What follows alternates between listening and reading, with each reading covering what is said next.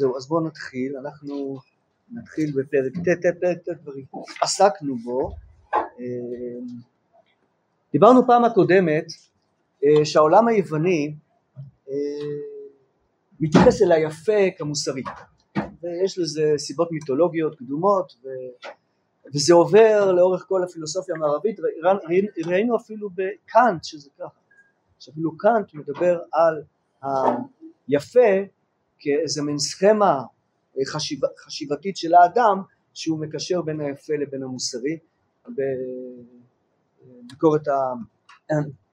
ביקורת, ביקורת כוח השיפוט, בביקורת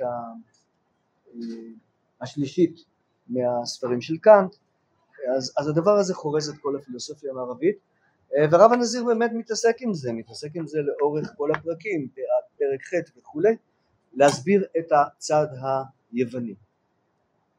והסברנו שהעיקרון הוא שברגע שאדם יכול לזהות מהו טוב על ידי מה שנראה לו בעיני רוחו כיפה אז אתה פשוט יכול להצביע על הטוב כמו שאפלטון רוצה.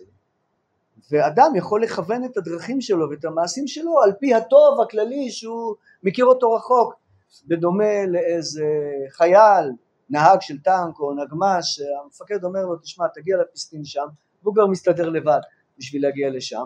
בניגוד לחייל או בניגוד לנהג שדורש מהמפקד שלו הוראות אה, מדויקות איך לנסוע שמאלה בסדר ימינה בסדר וכולי ולשגע אותו עד שהוא יגיע הוא גם לא יודע מה המגמה בדיוק.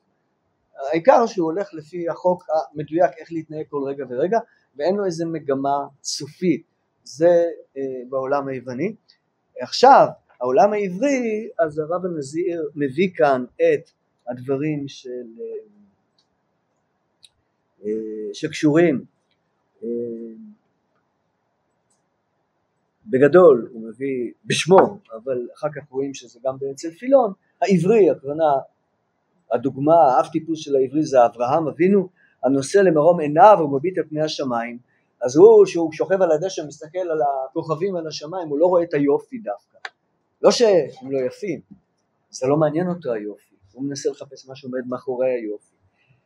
אינו מסתכל פסיבי בתפארת הפנים, התפארת ראינו שבעולם הקבלי זה היופי וכולי וכולי כפי שהרב הנזיר הסביר, תפארת הפנים הצורה, אלא מקבל על עצמו מלכות שמיים בכל חומר החוק, אה, חוק טבע עולם נשמע כמו דין תנאי ברית עולם, כמו תנאי שהתנה הקדוש ברוך הוא מעשה בראשית, כמו דבר השם בשמו לא ים חוקו ומים לא יעברו פיו, העיקרון כאן שאברהם אבינו או כל עברי שמסתכל על החוקיות המדהימה של העולם אז לא מסתכל על הצד האסתטי שלה אלא הוא אומר אוקיי אם יש חוקיות מדהימה לכל הדברים הפיזיקליים אה, לכל מה שקורה בעולם אז גם צריכה להיות חוקיות לגבי האדם והאדם כאדם הוא אה, אדם שבוחר שיש לו בחירה והעיקרון כאן שצריכה להיות איזה חוקיות בבחירה שלנו ואז צריך להיות איזה חוק שקובע לנו איך לבחור. אמ, זה לא יכול להיות טבוע בנו כי אם זה טבוע בנו אז אנחנו כבר לא בוחרים. אלא יש חוק שאני צריך עם הבחירה שלי להכפיף את עצמי תחתיו כמו שיש חוקים לכל המערכות אה, הלא בכיריות זה העיקרון כאן. ואז אברהם אבינו מסתכל וכליותיו אומרות לו את כל התורה כולה, אז זה העיקרון כאן. אה, עכשיו הרב הנזיר כאן מכניס עוד כמה דברים, המושג של דין תנאי וכולי, אה, דברים שהרב הנזיר פירט והביא אה, בהמשך ב, ב, בשם העליון הנשמע, נגיע לשם, אז לכן אני לא, והיום אני רוצה לסיים הרבה, אז בגדול כל מילה כאן אפשר לדייק בה, לא ניכנס לזה עכשיו, מה זה דין תנאי, ואיך איך זה, איך זה מסתדר בדיוק עם, ה, עם, עם ההקשרים של המדרשים, אה, אבל, אבל זה בגדול הכיוון של, אה, של הרב הנזיר. אז זאת אומרת יוצא כך,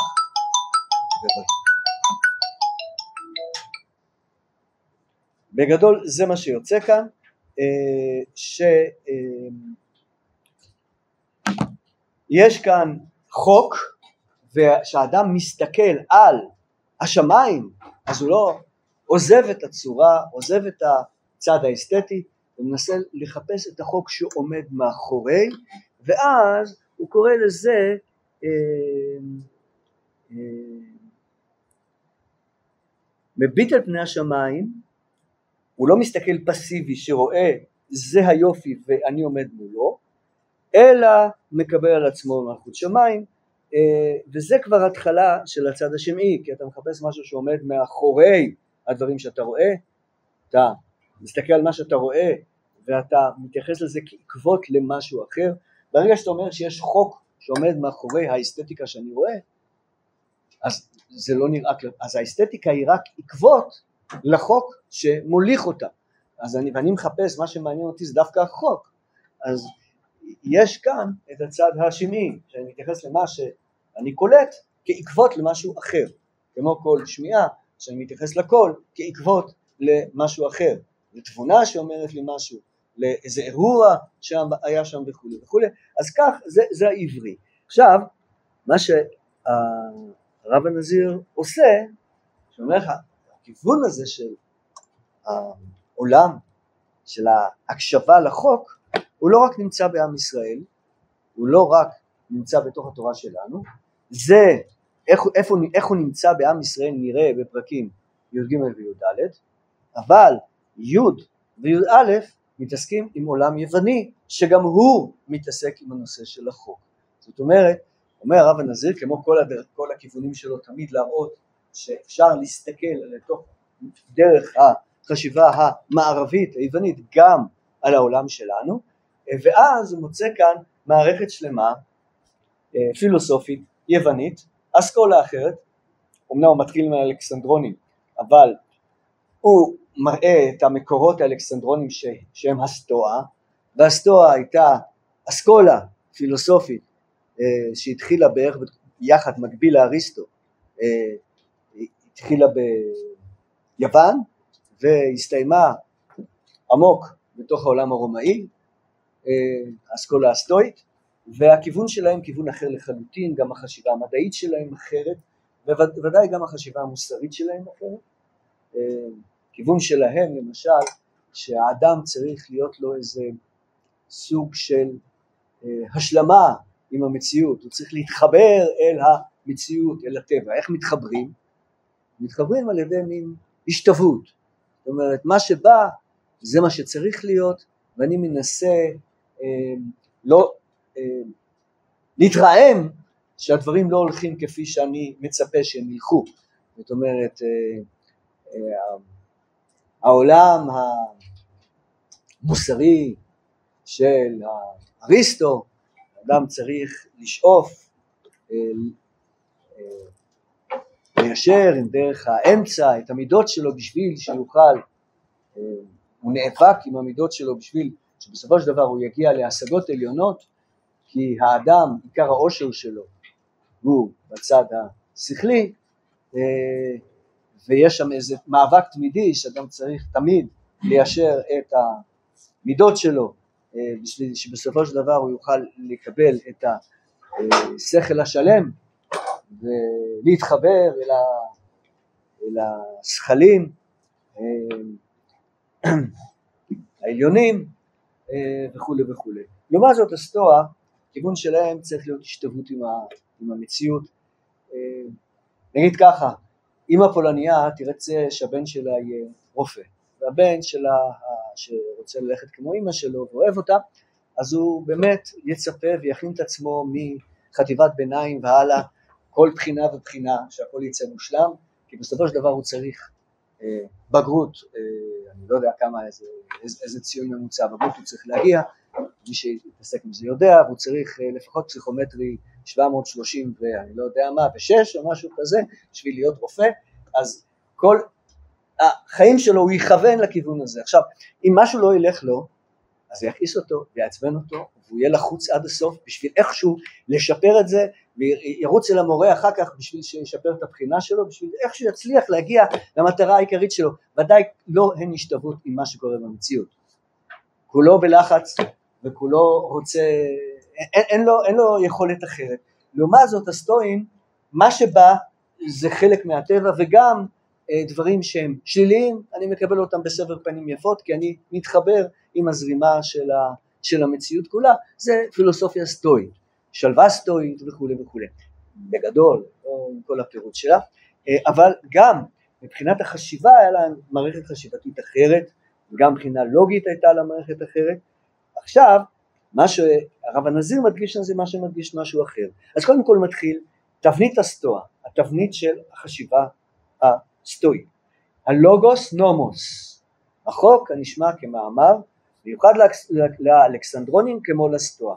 עכשיו לוגוס כבר ראינו אצל הרקליטוס, דיברנו כבר בעבר מה זה לוגוס, לוגוס שממנו אנחנו מדברים על לוגיקה זה ביוונית עתיקה, או בכלל ביוונית זו מילה, דיבור, אבל זה גם היגיון. זאת אומרת המילה והדיבור וההיגיון הם אותו דבר אצל העולם היווני, והרקליטוס תופס שהחוק מבוסס על אותו דיבור, אותו מאמר, אותו היגיון, כל המציאות כולה בנויה עליו, זה הרקליטוס. מה שהוסיפו הסטואה, הם דיברו על הלוגוס נומוס. יש לוגוס פיזוס, שזה החוק הטבעי, והחידוש של הסטואים, שיש חיבור בין הלוגוס פיזוס ללוגוס נומוס. לוגוס נומוס זה החוק של האדם, החוק המשפטי, החוק שהוא, אה, שהאדם יוצר, של ההתנהגות של האדם, בסדר?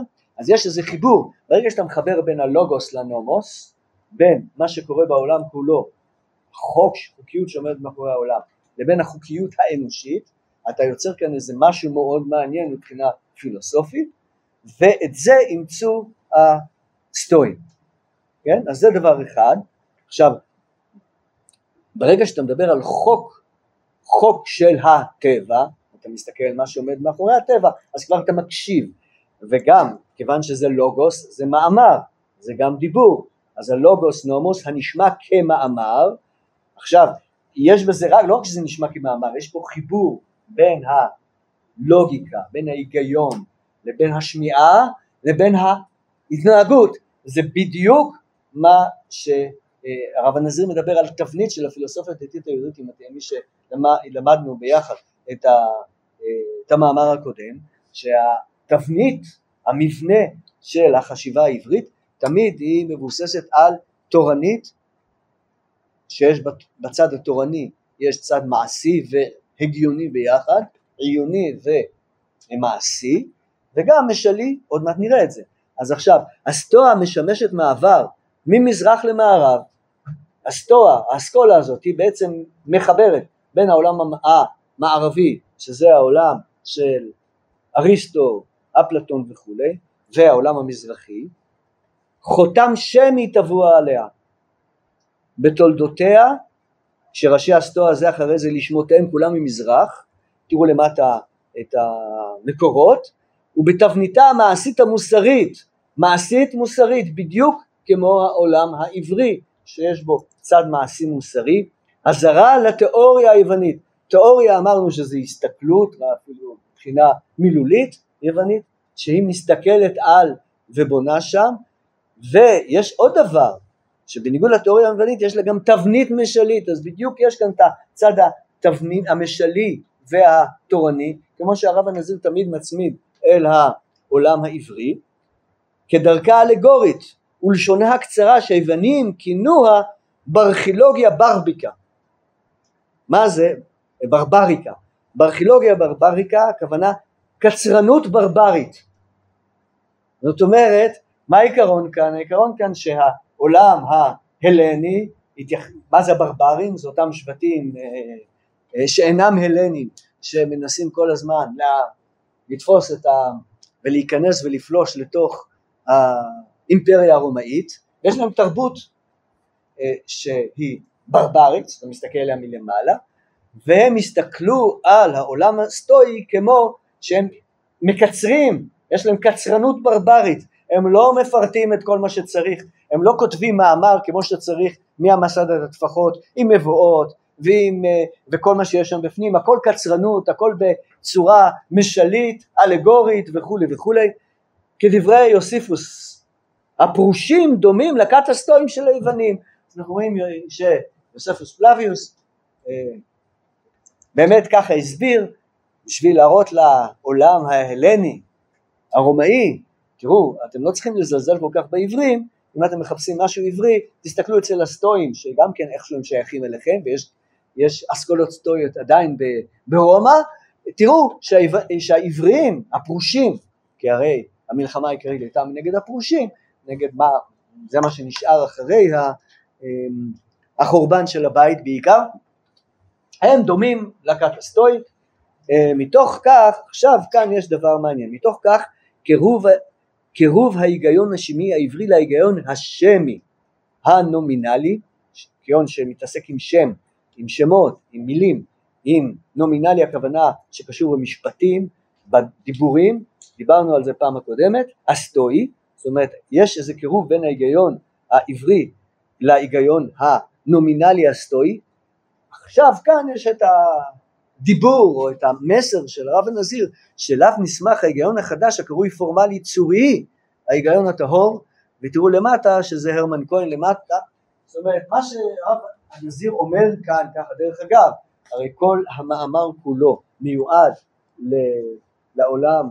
המשכיל היהודי, המשכילי היהודי שנטש תורה ומצוות, אז אומר הרב הנזיר, תשימו לב, אתם, הרי כל הסיבה שעזבתם את הישיבות ובאתם למערב אירופה לקנות השכלה באוניברסיטאות של מערב אירופה, זה בשביל, כיוון שהבנתם שמשהו חסר בתוך המערכת העברית, ורציתם להשלים את זה עם מה שקיים בעולם ה... אמ, אמ, עולם המערבי, באוניברסיטאות במערב אירופה וכולי וכולי ובהתחלה היה לכם הרי גם רצון מאוד חיובי וטוב לרתום את זה לתורה בסופו של דבר אימצתם את האידיאולוגיה של נטישת תורה ומצוות אבל זו טעות אדירה כן, תשימו לב ההיגיון החדש שאתם רוצים לקנות אותו הבסיס שלו הוא בכלל סטוי נומינלי, שמי, כמו שאומר כאן נאומן כהן ואפשר להוכיח את זה מכל מיני מקומות. זאת אומרת בניגוד לחשיבה האריסטוטלית שבנתה את העולם של ימי הביניים אה, והעת החדשה יצאה ממנו, העת החדשה אימצה לעצמה דרכים שהן יותר מבחינת חשיבה יותר סטואיות. ואם ככה אז אם אתם הולכים עם היגיון כמו הסטואים אז בואו תנסו להבין גם דברים אחרים מבחינה מוסרית תלכו על פי הסטואים ברגע שאתם הולכים מבחינה מוסרית על פי הסטואים, אז תבינו שיש קשר בין המציאות כולה, בין הלוגוס פיזוס, בין הלוגו ההיגיון שעומד מאחורי המערכת הפי, הפיזיקלית בעולם, לבין הלוגוס נומוס, לבין ההיגיון שעומד מאחורי המוסר, ואם אתם מאמצים את זה בכיוון הזה, תבינו שדווקא בנו, בעם ישראל שאותו נטשתם, החיבור הזה בין, ה, בין הפעילות המוסרית לבין החשיבה אה, זה נמצא עמוק עמוק בתוך הפילוסופיה הסטואית. אז אם אתם לוקחים כיוון אחד אז תיקחו גם את הכיוון השני טוב יגידו שאנחנו לא רוצים כי זה לא העת החדשה אבל בואו נראה בהמשך איך הרב הנזיר מוכיח שבאמת אה, זה דבר הכרחי בתוך החשיבה העברית אז זה דבר אחד זה פרק י' פרק י"א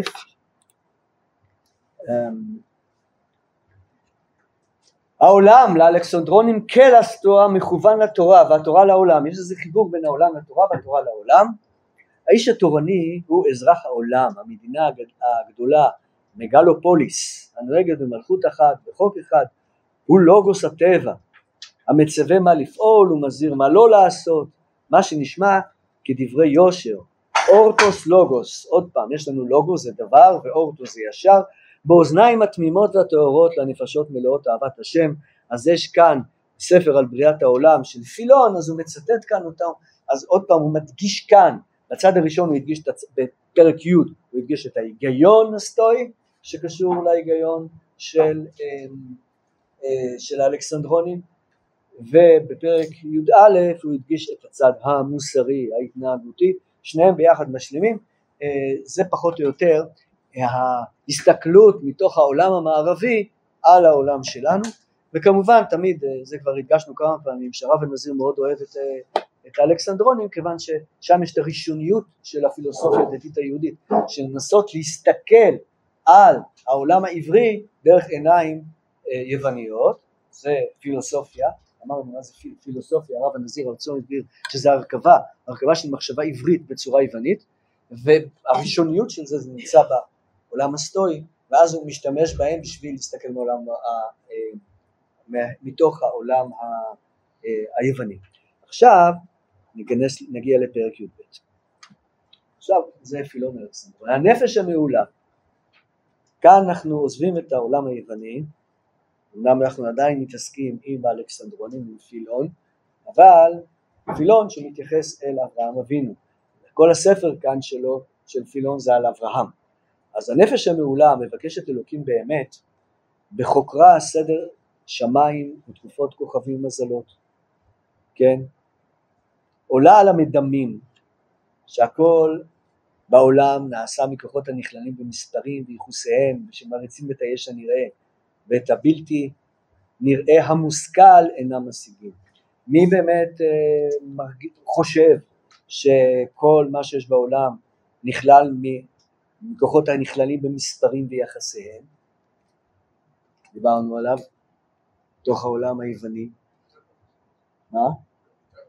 פיתגורס, כן, פיתגורס, הם תפסו את כל הנושא של מתמטיקה כתפיסה דתית, הם תפיסה דתית של מתמטיקה, מי שרוצה להגיע להיות מתמטיקון צריך להכין את עצמו חמש שנים ולשתוק ולא לדבר עם כלום, זה סוג מיוחד של אה, חמש יחידות במתמטיקה או יותר, אה, של חמש שנים של שתיקה בשביל להתחיל לעבוד את המספרים אה, על פי, על פי האלכסנדרונים וראינו שרב הנזיר יש לו חיבור גדול לנושא האלכסנדרוני אבל הנפש המעולה מבקשת אלוהים באמת, לא איזו עבודה זרה של, אמ, אמ, של פיתגורס או פיתגורים, שמה שהם חושבים, מה שהם מסתכלים זה מסתכלים על המספרים ועל החוקיות שאפשר להציג אותה על ידי מספרים, היא, הנפש המעולה מבקשת מה שעומד מאחורי זה, כי הנפש כוחותיה היא מחפשת את המושכל, את הבלתי נראה המושכל, את מה שאי אפשר אה, להצביע עליו ולתאר אותו על ידי משוואות מדויקות מבחינה, מבחינה מתמטית, מה שעומד מאחורי המתמטיקה הזאת, אה, כי הנפש כוחותיה פנימה נסעדים מהד כל שכל בלתי נראה הפועל פלאות, זה הלשון של, או תרגום אה, של פילון מי באמת תרגם את זה כאן, לא כותב כאן למטה,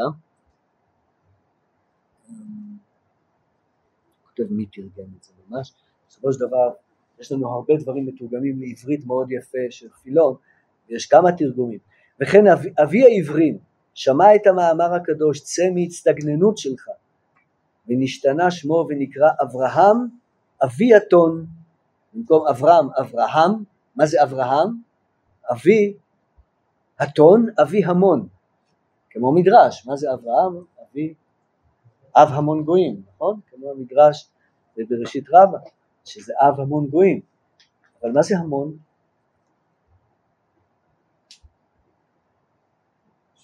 יש הרבה ויש המון, נכון? כן? למה, למה אנחנו מתייחסים לריבוי רב כהמון? מה? זה עושה רעש. המון זה המייה, אז אומר, אבל שימו לב, כשאנחנו מדברים כאן על פילון, אנחנו מדברים על יהודי שכתב במאה הראשונה למניינם, עוד בתקופת בית המקדש, זה לפני המשניות, ודאי לפני המדרשים, אולי חלק מדרשי ההלכה עדיין קשורים לכיוון הזה, אבל רוב מה שאנחנו מכירים במדרש זה הרבה הרבה אחר כך. ואז יש לנו כאן אצל פילון דברים שמאוד מאוד דומים למדרשים שאנחנו מכירים, נניח מדרש רבה בראשית רבה, אז בראשית רבה זה מתקופת האמוראים נכתב. אה, אז אה, זה מעניין, יש הרבה הגבלות אצלו, אה, ואז מה זה אברהם? זה אבי הטון, כי אבי המאמר החיצוני הוא המאמר הפנימי, כאן נכנס כאן לדברים שדיברנו עליהם בעבר, במאמר, במאמר הראשון, דיברנו על הלוגוס אה, פרופוריקוס ולוגוס אה, אינדיטיאנוס, אז אה, אינדיטיקוס, כן, אז בואו נראה את זה, נראה קצת את הדברים שם במאמר הראשון. הקיצור, הסיום של המאמר הראשון דיברנו על השפה, והשפה מבחינת אה, הרב הנזיר, הוא מביא כאן ראיה שצריך להמעיט בערך הדיבור, והוא מביא שצריך להמעיט מדרך הדיבור, ממקורות רבים, אה, בעיקר מה... מרב חיים ויטל, בהשלה, אה, כי אם אדם לא יודע ולא מבין שהדיבור החיצוני שלו נובע מדיבור הפנימי, ואם הוא סתם מדבר כלפי חוץ, בלי קשר לדיבור הפנימי שלו, אז מי יודע אם רוח בני אדם העולה היא למעלה ורוח הבהמה יורדת למטה, זאת אומרת אדם שמדבר סתם, בלי קשר אל הדיבור הפנימי, אל החשיבה הפנימית שלו, אלא סתם מוציא דברים מהפה, אה, הוא כמו בהמה בעצם לפי, לפי השלה הקדוש, והרב הנזיר מחבר בין השלה לבין התנאים שרב חיים ויטל אומר בשביל להגיע אה, להשגות עליונות בתורה הפנימית צריך באמת לשתוק ולא לדבר סתם. אה, והרב הנזיר מחבר בין שני המקומות ובשביל אה, לדבר על זה אז הוא מדבר על הסטואה עוד פעם אז שהם חילקו בין הלוגוס הפנימי לוגוס אנדיאתטוס לבין הלוגוס החיצוני לוגוס פרופוריקוס. זאת אומרת יש לנו הדיבור הרי לוגוס זה היגיון אבל זה גם דיבור אז יש גם בין הדיבור החיצוני לדיבור הפנימי והם חיברו, דרשו לחבר בין שני הלוגוסים האלה וגם אצלנו בדיוק זה הנושא שכאן הרב הנזיר מזכיר שאבי המאמר החיצוני הוא המאמר הפנימי זאת אומרת מה זה המון? אבי המון, אבי הטון, הטון, הדיבור, הדיבור החיצוני הוא גם הדיבור הפנימי. יש איזה חיבור כאן שאדם צריך לחבר בין הדיבור החיצוני לדיבור הפנימי וזה אברהם אבינו זה נפש המעולה מבקשת אלוקים באמת זאת אומרת יש דיבור חיצוני שמתעסק עם הדברים החיצוניים ומביע את הדברים בחוץ. אבל צריך, צריך להיות תמיד איזה קשר לדיבור הפנימי. החיבור הזה העמוק בין הדיבור החיצוני לדיבור הפנימי זה מה שמאפיין את אברהם אבינו. ועד כאן הגענו, התעסקנו עם העולמות הפילוסופיים יווניים ו, אה, ואלכסנדרונים. האמת שבדרך כלל כשמדברים על לומדים בכלל על העולם האלכסנדרוני אה, בדרך כלל מחשכים את זה לעת העתיקה אז דיברנו כאן על פילוסופיה מהעת העתיקה וכולי אה, עם קצת איזה נטייה קטנה לפילוסופיה של העת החדשה שמשתמשים מתבססים על ההיגיון של הסטואה ולא על ההיגיון של, ה, אה, של הפילוסופיה האריסטוטלית. עכשיו, אחרי שראינו את זה, אני רוצה להיכנס אל שני המאמרים, שני הפרקים האחרונים שהם המרכז של השיעור שלנו היום. כאן אנחנו חוזרים לתוך העולם העברי, אבל אנחנו חוזרים לתוך העולם העברי כאן, אנחנו חוזרים לתוך מערכת שהיא מאוד מעניינת. זאת אומרת, הרב הנזיר מתעסק כאן עם מושגים קבליים, אה, לכאורה זה צריך להיות חלק קבלי, אבל לא, זה ממש בחלק הפילוסופי.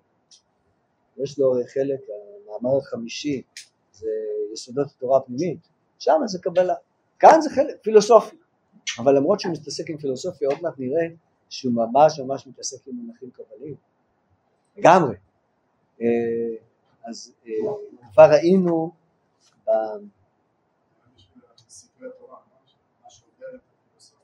אז זהו, אז כבר ראינו שבראש דבר, דיברנו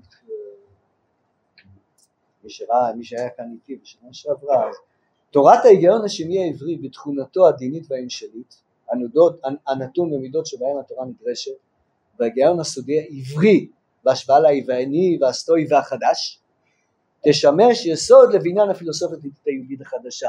זאת אומרת הרב הנזיר בונה כאן את החזון שלו, מתי שיפנימו את התורה השמית, ואז יש שינויים גדולים בעולם. אחד השינויים הגדולים בעולם היהודי, שיבנו פילוסופיה דתית חדשה.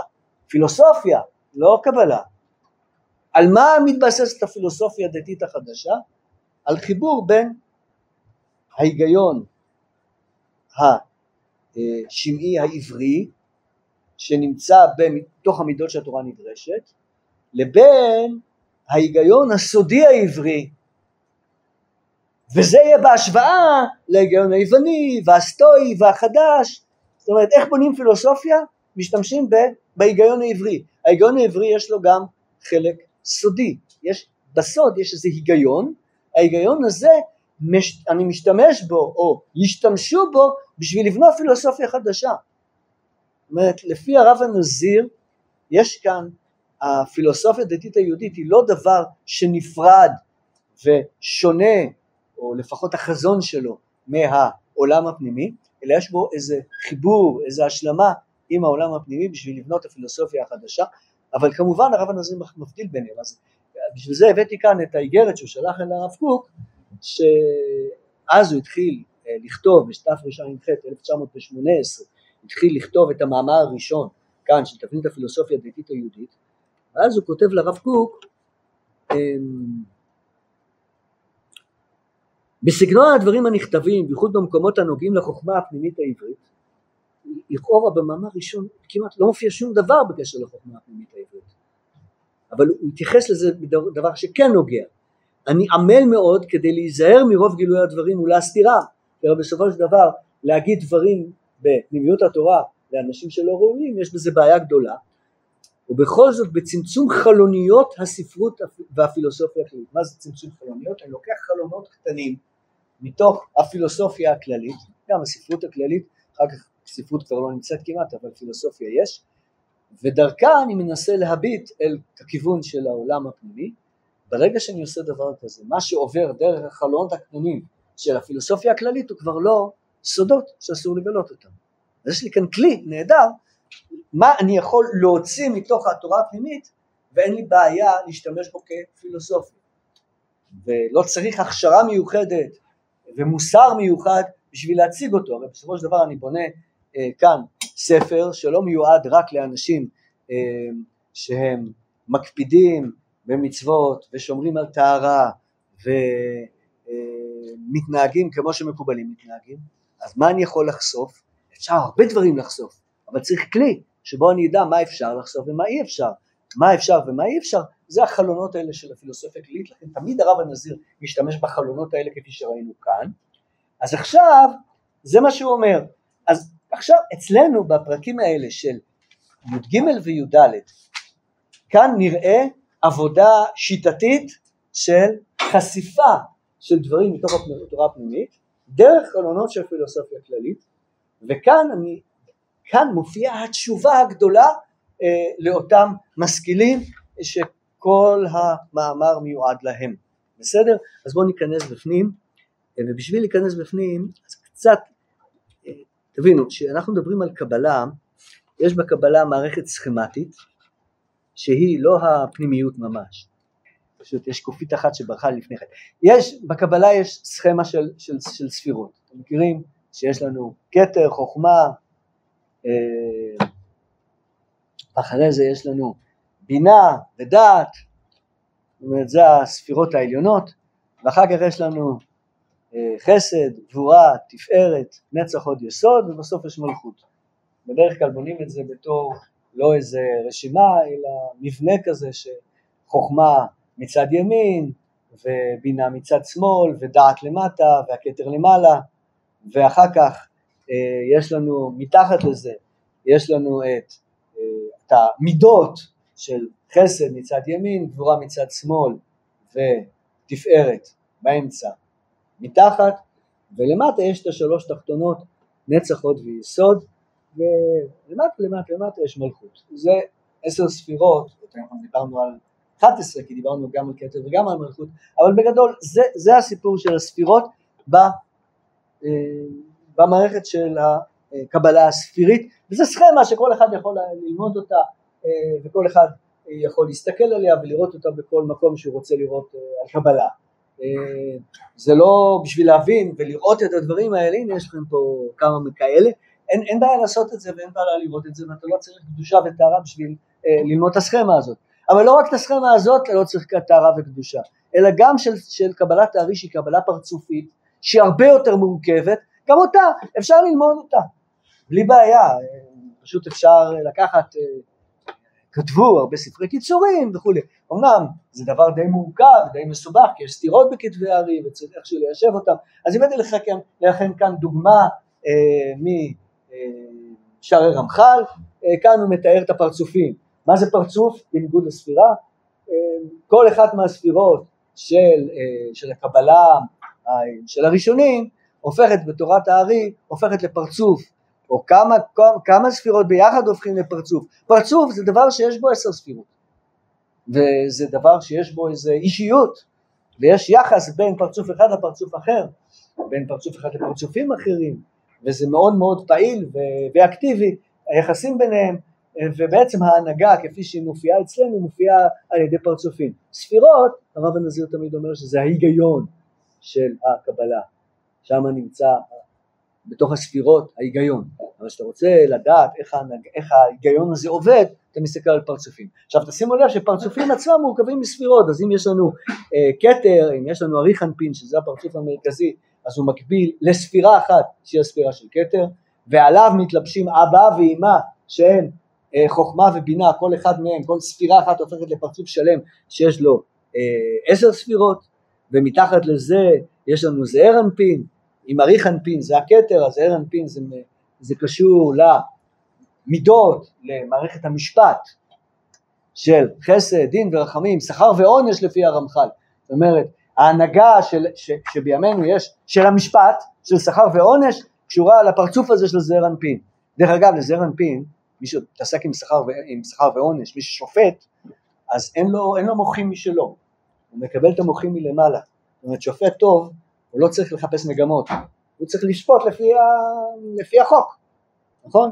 אז אם מי שמגיע לו שכר, אז מגיע לו שכר, מי שמגיע לו עונש, מגיע לו עונש. בשביל מה אדם משתמש במוח שלו? לא בשביל להיות משהו טכני, אה, עונש, שכר וכולי. מוח זה בשביל, בשביל מגמות, בשביל כיוונים, אז בתורה הפנימית אצל הארי, אז המוח, המוח של ארי חנפין הוא מקבל מאבא ואמא, זה לא שלו בכלל. זה שופט כמו שצריך. את המגמות הוא לא מקבל, הוא מקבל מאחרים, הוא לא מנסה ללכת לפי המגמות ולפי זה להכריע דברים. אז זהו, זה... מה? לזער אנפין, שזה, הוא מקבל את המוח שלו מאבא ואמא שמקבלים מאריך אנפין, בסדר? לא, אין מוח משלו. זה, זה מעניין כאן. המוח של, הר... של הזער אנפין קוראים בקבלה, בקבלה של הארי, קוראים צלם. צלם אלוקים ברא את האדם, זה משהו שהוא מקבל מלמעלה, זה לא שייך אליו. לעומת זאת לאריך אנפין יש מוחים משלו, וגם לאבא ואמא יש מוחים משלהם. לזער אנפין אין מוחים משלו. זה, זה בגדול כאן. אה, ויש כמובן, אה, הדברים האלה מתחלקים מתפרטים. למה זה חשוב לי? כי אנחנו עכשיו, עכשיו כל הדברים האלה, כל אחד יכול לקרוא, לראות את זה. זה לא, זה לא הקבלה אה, שבשבילה צריכים את הקדושה ואת הטהרה. את הקדושה והטהרה צריכים בשביל השגות. השגות זה מה שעומד מאחורי הסכמות האלה. הסכמות האלה יכולים לתת כל דבר, כל מה שאתה רוצה וכל מה שאתה לא רוצה. אין בזה שום, שום דבר שהוא פנימי. השאלה מה זה מציג. ומה זה אומר? אז הרב הנזיר אומר, תראו, אני יכול דרך הפילוסופיה הכללית להסתכל על זה, להוציא מזה דברים שקשורים אל הפילוסופיה הדתית היהודית. כן. אוקיי? אז בואו נמשיך. ניכנס. אז נקרא את פרק י"ג. בחוכמה הפנימית, החוק הוא יסוד עולם. יסוד זו ספירה, נכון? יסוד עולם זה היסוד הכללי. היסוד הכללי הוא ספירה ששייכת לזרע נקי. בסדר? יש עוד יסוד למטה, בתוך, בתוך, העשר, בתוך העשר ספירות של זרע אנפין, אז יש יסוד. זה יסוד עולם. הפנימי, הבלתי נראה, הגנוז בתמונת מלכות עולם הנראה. זה הרבה פעמים לפי הרב הנזיר, הוא גם מוכיח וגם מביא את הרב קוק בקשר לזה. הצד הנראה, זה שאני יכול להצביע עליו מבחינה פנימית, זה מלכות. זה דבר שאני יכול להצביע עליו, לראות אותו, להבין אותו, להכיר אותו. זה מלכות. שכינה יכולה להופיע בתוך העולם שלנו. אה, בעזרת השם נזכה שהיא תופיע בירושלים וכולם ידעו שהשכינה נמצאת שם. הענן יורד על בית המקדש והשכינה מופיעה וכולי וכולם חשים ומכירים אותה. זה דבר שאפשר להצביע עליו, דרכה בכלל אפשר להבין את הדברים הפנימיים. אז יש תמונת מלכות עולם הנראה. יש משהו גנוז בתוך התמונה הנראית, וזה החוק שהוא יסוד עולם. יש כאן חיבור בין משהו פילוסופי לבין ספירה. מלכות היא גם כן משהו שהוא ספירה, ותמונה הנראית אצל הרב הנזיר זה הפילוסופיה שלו, מה אה, שהדברים הנראים, נכון? יסוד עולם עולה ומכוון ליסוד הבינה, טעם, תכלית הכל, אז טעם תכלית הכל זה תכליתיות, יסוד הבינה, אז זה, פילוס... זה קבלה, טעם תכלית הכל זה פילוסופיה, הנשמע בעדן החוכמה זה גם כן משהו פילוסופי שקשור בפילוסופיה קיומית, אבל חוכמה זה ספירה, כטעם חוקי הניגון העליון המביאים עונג עליון לנפש, וזה הוא דיבר. אז בואו, אני נתתי כאן טבלה אה, שנראה את זה, יש כאן מלכות, יסוד, יסוד הבינה, עדן החוכמה, חוכמה זה ספירות, נכון? מלמטה עד למעלה, מלכות, יש משמעות פילוסופית לכל אחד מהם בתוך הפרק שלנו. ויש איזה יחס בין אותם ספירות, גם אותם נתתי. אפשר לעבור על זה ולהעריך, אבל בשביל זה, בשביל זה צריכים שיעור שלם ולא רבע שעה, בסדר? אז זה בגדול מה שעובד כאן בתוך הפרק הזה. ואם אנחנו ממשיכים הלאה, אנחנו רואים שיש גם עקרונות פילוסופיים מאחורי כל מערכת. זאת אומרת, המלכות היא דבר נראה, בסדר. היסוד זה הסיבתיות. כי אה, גנוז במלכות מכוון ליסוד הבינה, עכשיו אנחנו מחפשים חוק שגנוז בתוך משהו, אז אם אנחנו מדברים על זה שיש איזו חוקיות בעולם, אז אתה, כשאנחנו מדברים על חוקיות, אנחנו מדברים בדרך כלל בימינו על סיבתיות, למה הדברים קורים, ואיך הם קורים, מה החוק שעומד מאחורי הדברים האלה. עכשיו גם אם אנחנו מדברים על אה, יחס של שכר ועונש, למה, למה, מה הסיבה שאדם קיבל עונש? בגלל שהוא עבר עבירה. מה הסיבה שאדם מקבל שכר? בגלל שהוא עושה מצווה. אז יש לנו כאן שכר ועונש זה סיבתיות, נכון? אחר כך כשהוא מדבר על יסוד הבינה אז יש טעם, תכלית הכל, אתה מדבר על תכלית, אתה מדבר על תכליתיות. אתם יודעים, יש הבדל בין תכליתיות לסיבתיות מבחינה פילוסופית.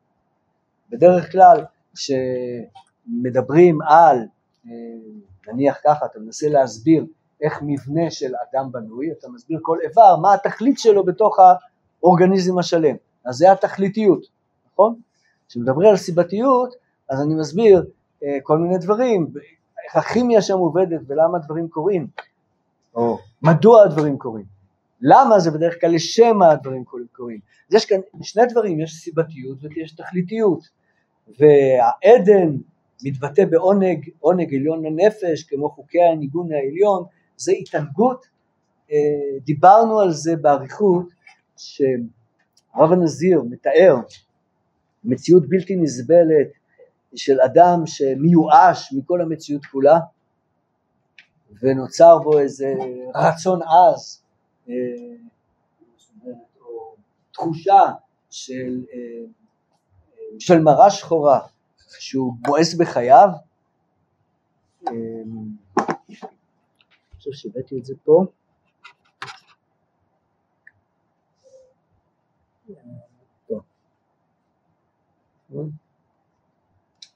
זה בפרק כ"א, במאמר ראשון, כתוב ככה, זה מופיע בשם המגיד ממזריץ', מופיע בקונטרס ההתפעלות של האדמו"ר האמצעי, שלא יוכל אדם לבוא לקבלת אמיתת רזין דאורייתא והשגת עמוקות האמיתיות באור אינסוף בלתי אם יש בו המרה השחורה הטבעית והעצמית שמושרשת בו מנעוריו בבחינת היולי שבא לעומק האמיתיות דווקא עד שמואס ממש בחייו בתמידות בכל שעה ושעה. זאת אומרת מי יכול להגיע באמת להבנה פנימית באמיתת אינסוף של התורה הפנימית לפי המגיד, מגיד ממזריץ' תלמידו של הבעל שם טוב מי שהוא עד כדי כך מתייחס ב... בייאוש מן העולם שהוא מואס ממש בחייו. עכשיו, אם היה אדם מכריז על עצמו שהוא מואס ממש בחייו בימינו, אז אתם יודעים מה יקרה. מה?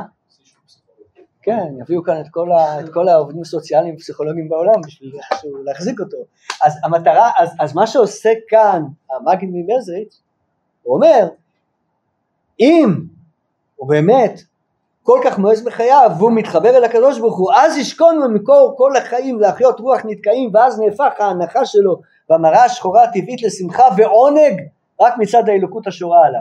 זאת אומרת אדם כזה שחווה שפתאום אותו חור שחור עניק, ענק שיש לו בנפש פתאום מתמלא ומתחיל לגלוש על גדותיו ומלא אותו עונג מצד האלוקות הוא הוא יכול להשיג דברים באמיתת אינסוף אז זה תחושה קיומית כזאת העונג הזה לפני כן אתה התייאשת מהעולם חשבת ששום דבר אין שום ערך מאסת לגמרי בכל המציאות ופתאום אתה מתמלא בעונג המערכת הזאת היא מערכת אחרת שהיא לא תכליתיות והיא לא סיבתיות, היא משהו קיומי.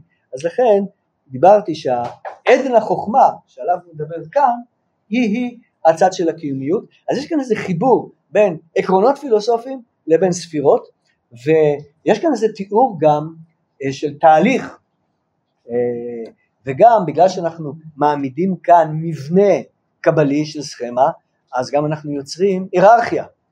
הדבר העמוק ביותר זה הקיומיות, מתחתיו יש תכליתיות ומתחתיו יש את הסיבתיות כי אנחנו הולכים לפי הספירות, ספירת מלכות היא הנמוכה ביותר, זה מה שאתה רואה, מעל זה יש סיבתיות, מעל הסיבתיות הזאת יש תכליתיות, מעל התכליתיות האלה הזאת אנחנו משיגים איזה קיומיות, אנחנו בונים כאן איזה מבנה. עכשיו השאלה היא איך, מה, מה, מה קשור המבנה הזה לתוך המערכת הזאת?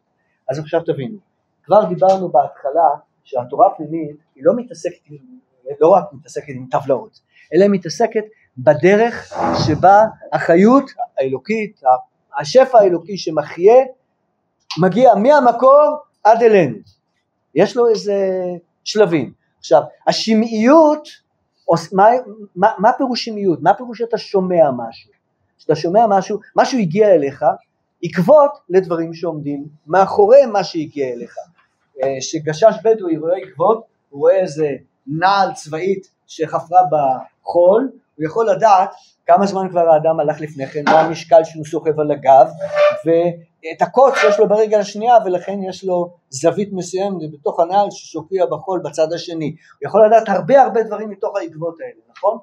עכשיו, אז הפעולה הזאת של מה שקרה בעקבות, הוא מרמז על המון המון דברים אחרי זה. עכשיו, ברגע שהאדם חווה כאן איזה משהו, החוויה הזאת של איזה שפע אלוקי שהגיע אליו, יש בה צבעים שונים. כל צבע מעיד על המקור העליון שממנו זה הגיע.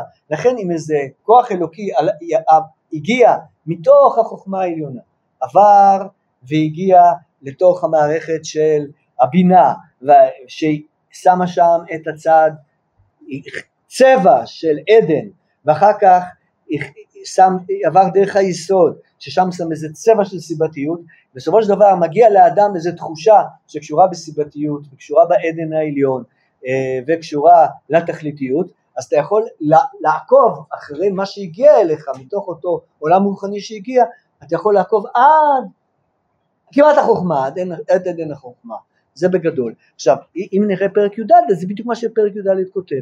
התכונה התורנית, תורנית זה מעשי, איזה תורני?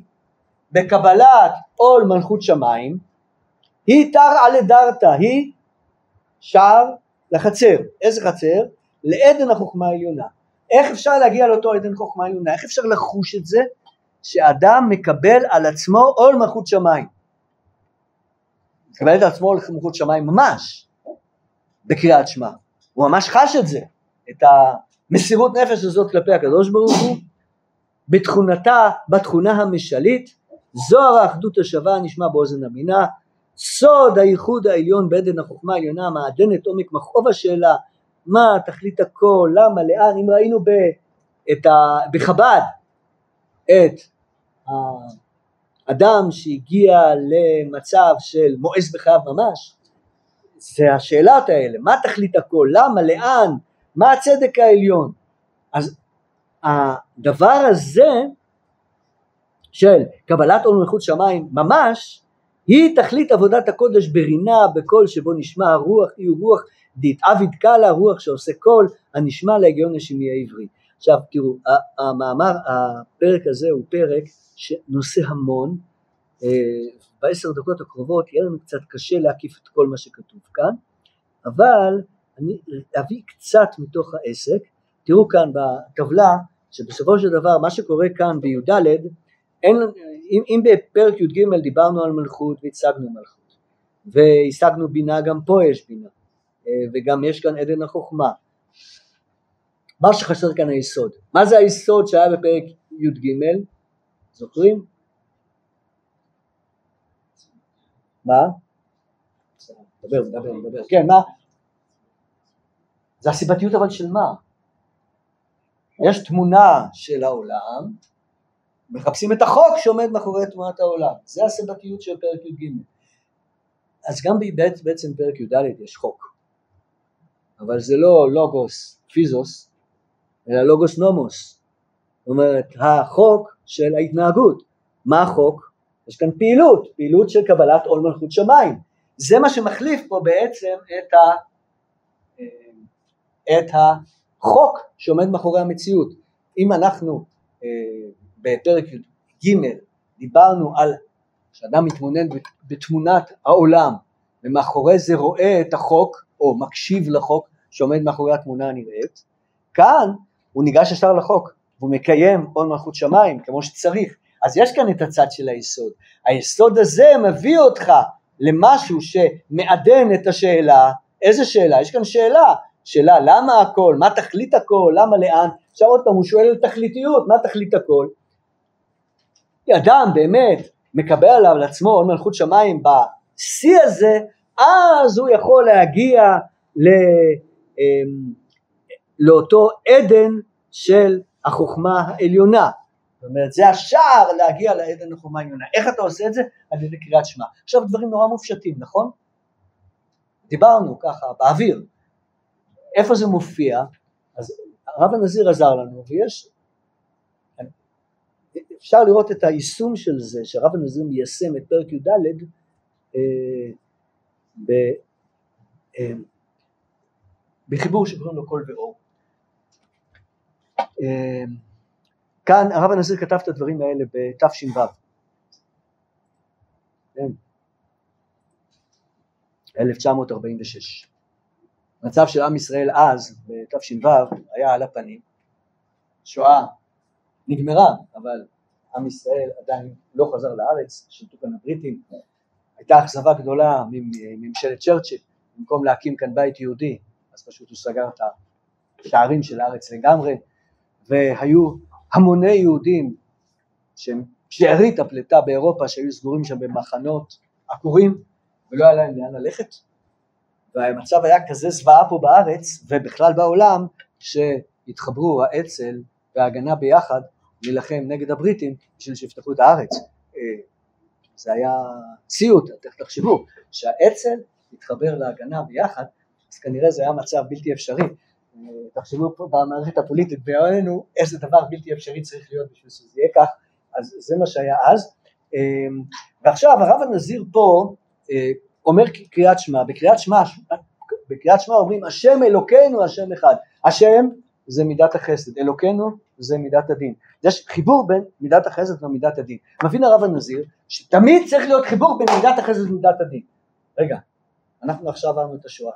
איפה יש במידת השואה, בשואה חסד? מידת דין אני רואה, אין בעיה. אז אמ, שמע ישראל השם אלוקינו הדינים שמייסרנו מענישנו בדינים קשים ומרים במיתות משונות בחרפות הכל ממנו ברוך הוא שהוא השם י"ק ו"ק הרחמים השם אלוקינו. למה? השם אחד. יש כאן חיבור בין דין ורחמים. תמיד צריך להיות אחד. דינים וחסדים, השם אלוקינו, והנה זה ידיעה נכונה ואמונה, זה נכון, זה אמת, אבל, אבל רגע, רגע, אני צריך להבינה, ואחר כך גם להסביר, כי אני קורא קריאת שמע, אז אני לא סתם אומר דברים בפה, אני צריך לחוש את זה, איך יש חסד בתוך השואה, איך אני יכול להרגיש את זה? זה מה ששואל כאן הרב הנזיר. מה מידת הרחמים והחסד, הפורענות קשים ומרים שנחתו על כלל ישראל? איפה יש דבר כזה? ואז הנה הבריק ברק השכל והבנה, הבנתי משהו. אז יש לנו קריאת שמע, ועכשיו יש לנו פתאום תבונה, נכון? שפתאום עלינו לבינה, רק השכל וההבנה, ואהבת, זו התשובה, אחר כך, ואהבת את השם אלוקיך, זה מופיע מיד אחרי קריאת שמע, בתורה זה מופיע ביחד. אמ, האיסורים והמיתות המשונות ישראל מקבלם באהבה, במסירות נפש, למען שמו באהבה, כמו שאמר רבי עקיבא, די תבוא לידי ויקיימנו ויצתה נשמתו באחד באהבה. וזה החסד שבגזירת שבגזירות הרב הנזיר לא אומר שכל מי שנרצח בשואה קיבל את זה באהבה אבל היו כאלה בודדים. ברגע שיש אנשים כאלה בודדים שמקבלים את זה באהבה אז יש חסד, מידת החסד מופיעה בעולם אומנם לא מצד הקדוש ברוך הוא, מצד ישראל, אבל ישראל הם עם של הקדוש ברוך הוא, הם מגלים, הם מגלים איזה מידות של הקדוש ברוך הוא בעולם. אז יש דין בעולם, אבל יש גם חסד, שפתאום יש מספר אנשים בישראל שמקבלים את הדין באהבה, זה חסד בלי גבול. זאת אומרת, ככל שהזוועה כלפי אותו אדם היא יותר גדולה, והוא מקבל את זה באהבה, אז החסד יותר אה, בלתי נתפס. אז היה ידיעה, אה, הייתה, ש, שהיו אנשים שקיבלו את זה בשירה, אה, אה, הלכו לתופת של, של המשרפות וכולי, במסירות נפש, ואז יש לנו כאן איזה חיבור כזה בין חסד, אבל זה חסד לא מצד הקדוש ברוך הוא, אבל זה בכל זאת קריאת שמע, למה? כי אנחנו עם של הקדוש ברוך הוא, והחסד מופיע עם הדין ביחד. דרך אגב, האדמו"ר מפיאססנה כתב דבר מאוד מאוד דומה אה, בספר שלו, הרב הנזיר לא הכיר אותו, אז שהוא כתב את זה, תש"ו, והם כיוונו לאיזה כיוון אחד, שהחסד והדין באים ביחד, החסד מצד, הפוך בדרך כלל מה שקיים בעולם, בדרך כלל החסד זה מצד הקדוש ברוך הוא והדינים זה מצידנו שאנחנו עוברים עבירות וכולי וכולי, כאן זה הפוך, בשואה הכל התהפך, שהחסד מופיע מצד עם ישראל, אותם אנשים שקיבלו באהבה, והדינים מופיעים מצד הקדוש ברוך הוא, זה מה שהנזיר אומר, ואז תראו איזה שלב, והנה הפורענות, הפורעניות במיתות משונות לשליש מעם ישראל שנפסו נפשם בשירות, בשירת אני מאמין, זה אותם, אותם בודדים, באהבה למען שמו ושם ישראל, זוהי הזכות הגדולה שאין למעלה עמה, ממנה אהבה רבה, שבזכותה נזכה לגאולה בשעה גדולה שעת הגאולה חבלי משך מקדימים שבזכותם בזכות מסירות נפש באהבת ישראל הם ראויים וזכאים לגאולה וזהו הטוב שבדינים הקשים והנוראים החסד שבהם. יש כאן תשובה שנייה אחרת לגמרי. החסד מהו? כאן בתשובה השנייה מצד הקדוש ברוך הוא. למה? כי אנחנו נזכה לגאולה. אבל זה הרב הנזיר כותב בתש"ו שאז המצב היה על הפנים אף אחד לא האמין שיבנה משהו אחרי ההתייחסות של ממשלת צ'רצ'יל והאכזבה האדירה ממנה. אז כותב את זה אז, אבל זה, הוא לא הגיע לזה בשלב הראשון, אחרת אם הוא היה מגיע בשלב הראשון הוא לא היה צריך לשאול שאלות. היה אומר, תשמעו, אתם יודעים למה, מה החסד הגדול שיש בשואה, שבזכותה תיבנה מדינת ישראל. הוא לא אמר את זה, הוא לא הרגיש את זה. הוא הרגיש הפוך, שיש צרות, אין מה לעשות איתם. אז הוא חיפש איזה משהו, ואז מצא את החסד מצד ישראל, ואז פתאום מבריק בו איזו הבנה שזה יביא לגאולה. זה דבר שהוא לא חווה אותו אז, אבל הוא כותב את זה כאן.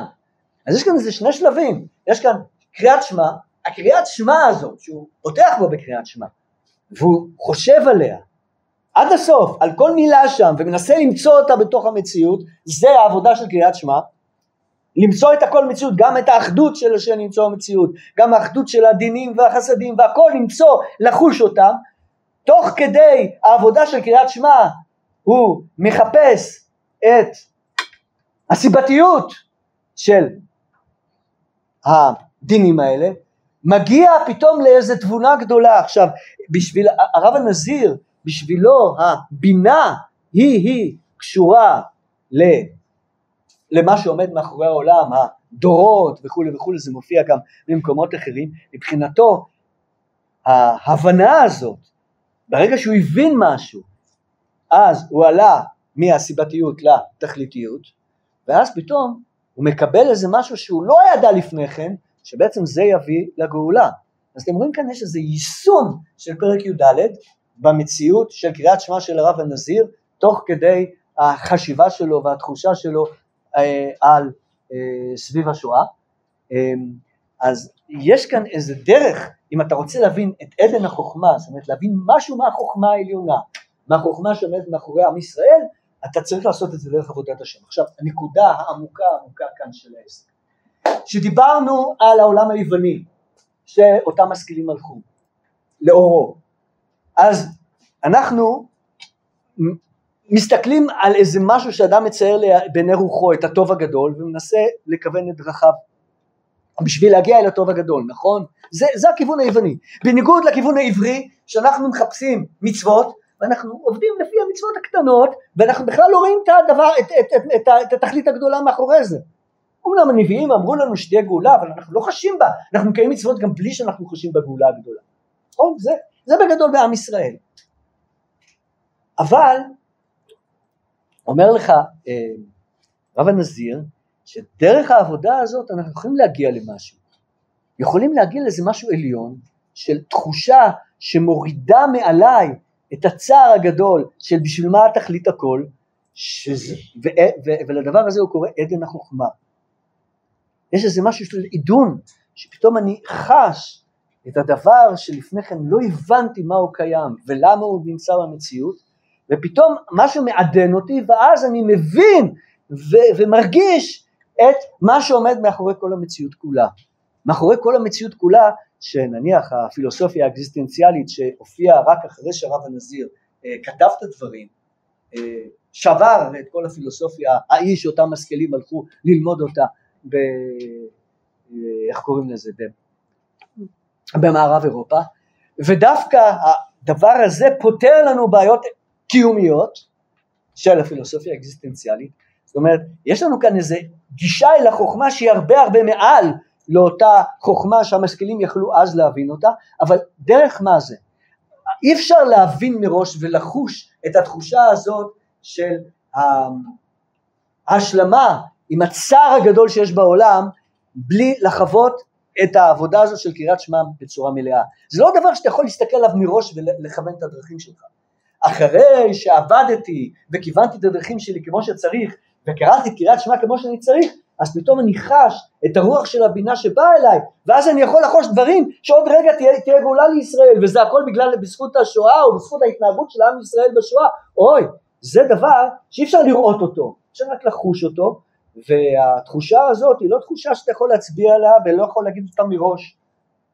זה דבר שהרוח של הבינה פתאום שורה על הרב הנזיר. אז בשביל להבין באמת את החוכמה, צריך לעבוד את השם. אי אפשר לראות משהו כי הראייה שלך משהו כפי שראינו ב, לאורך המאמר שלנו זה אידול, זה המצאה אנושית שאתה מסגל לעצמך יופי, אבל זה לא האמת, האמת היא, היא החוקיות ואם אתה עובד את החוקיות כמו שצריך אז אתה יכול להתחבר באיזושהי דרכים לשפע האלוקי ואז אתה יכול להתחבר לדברים עליונים מאוד ולהגיע להשגות גדולות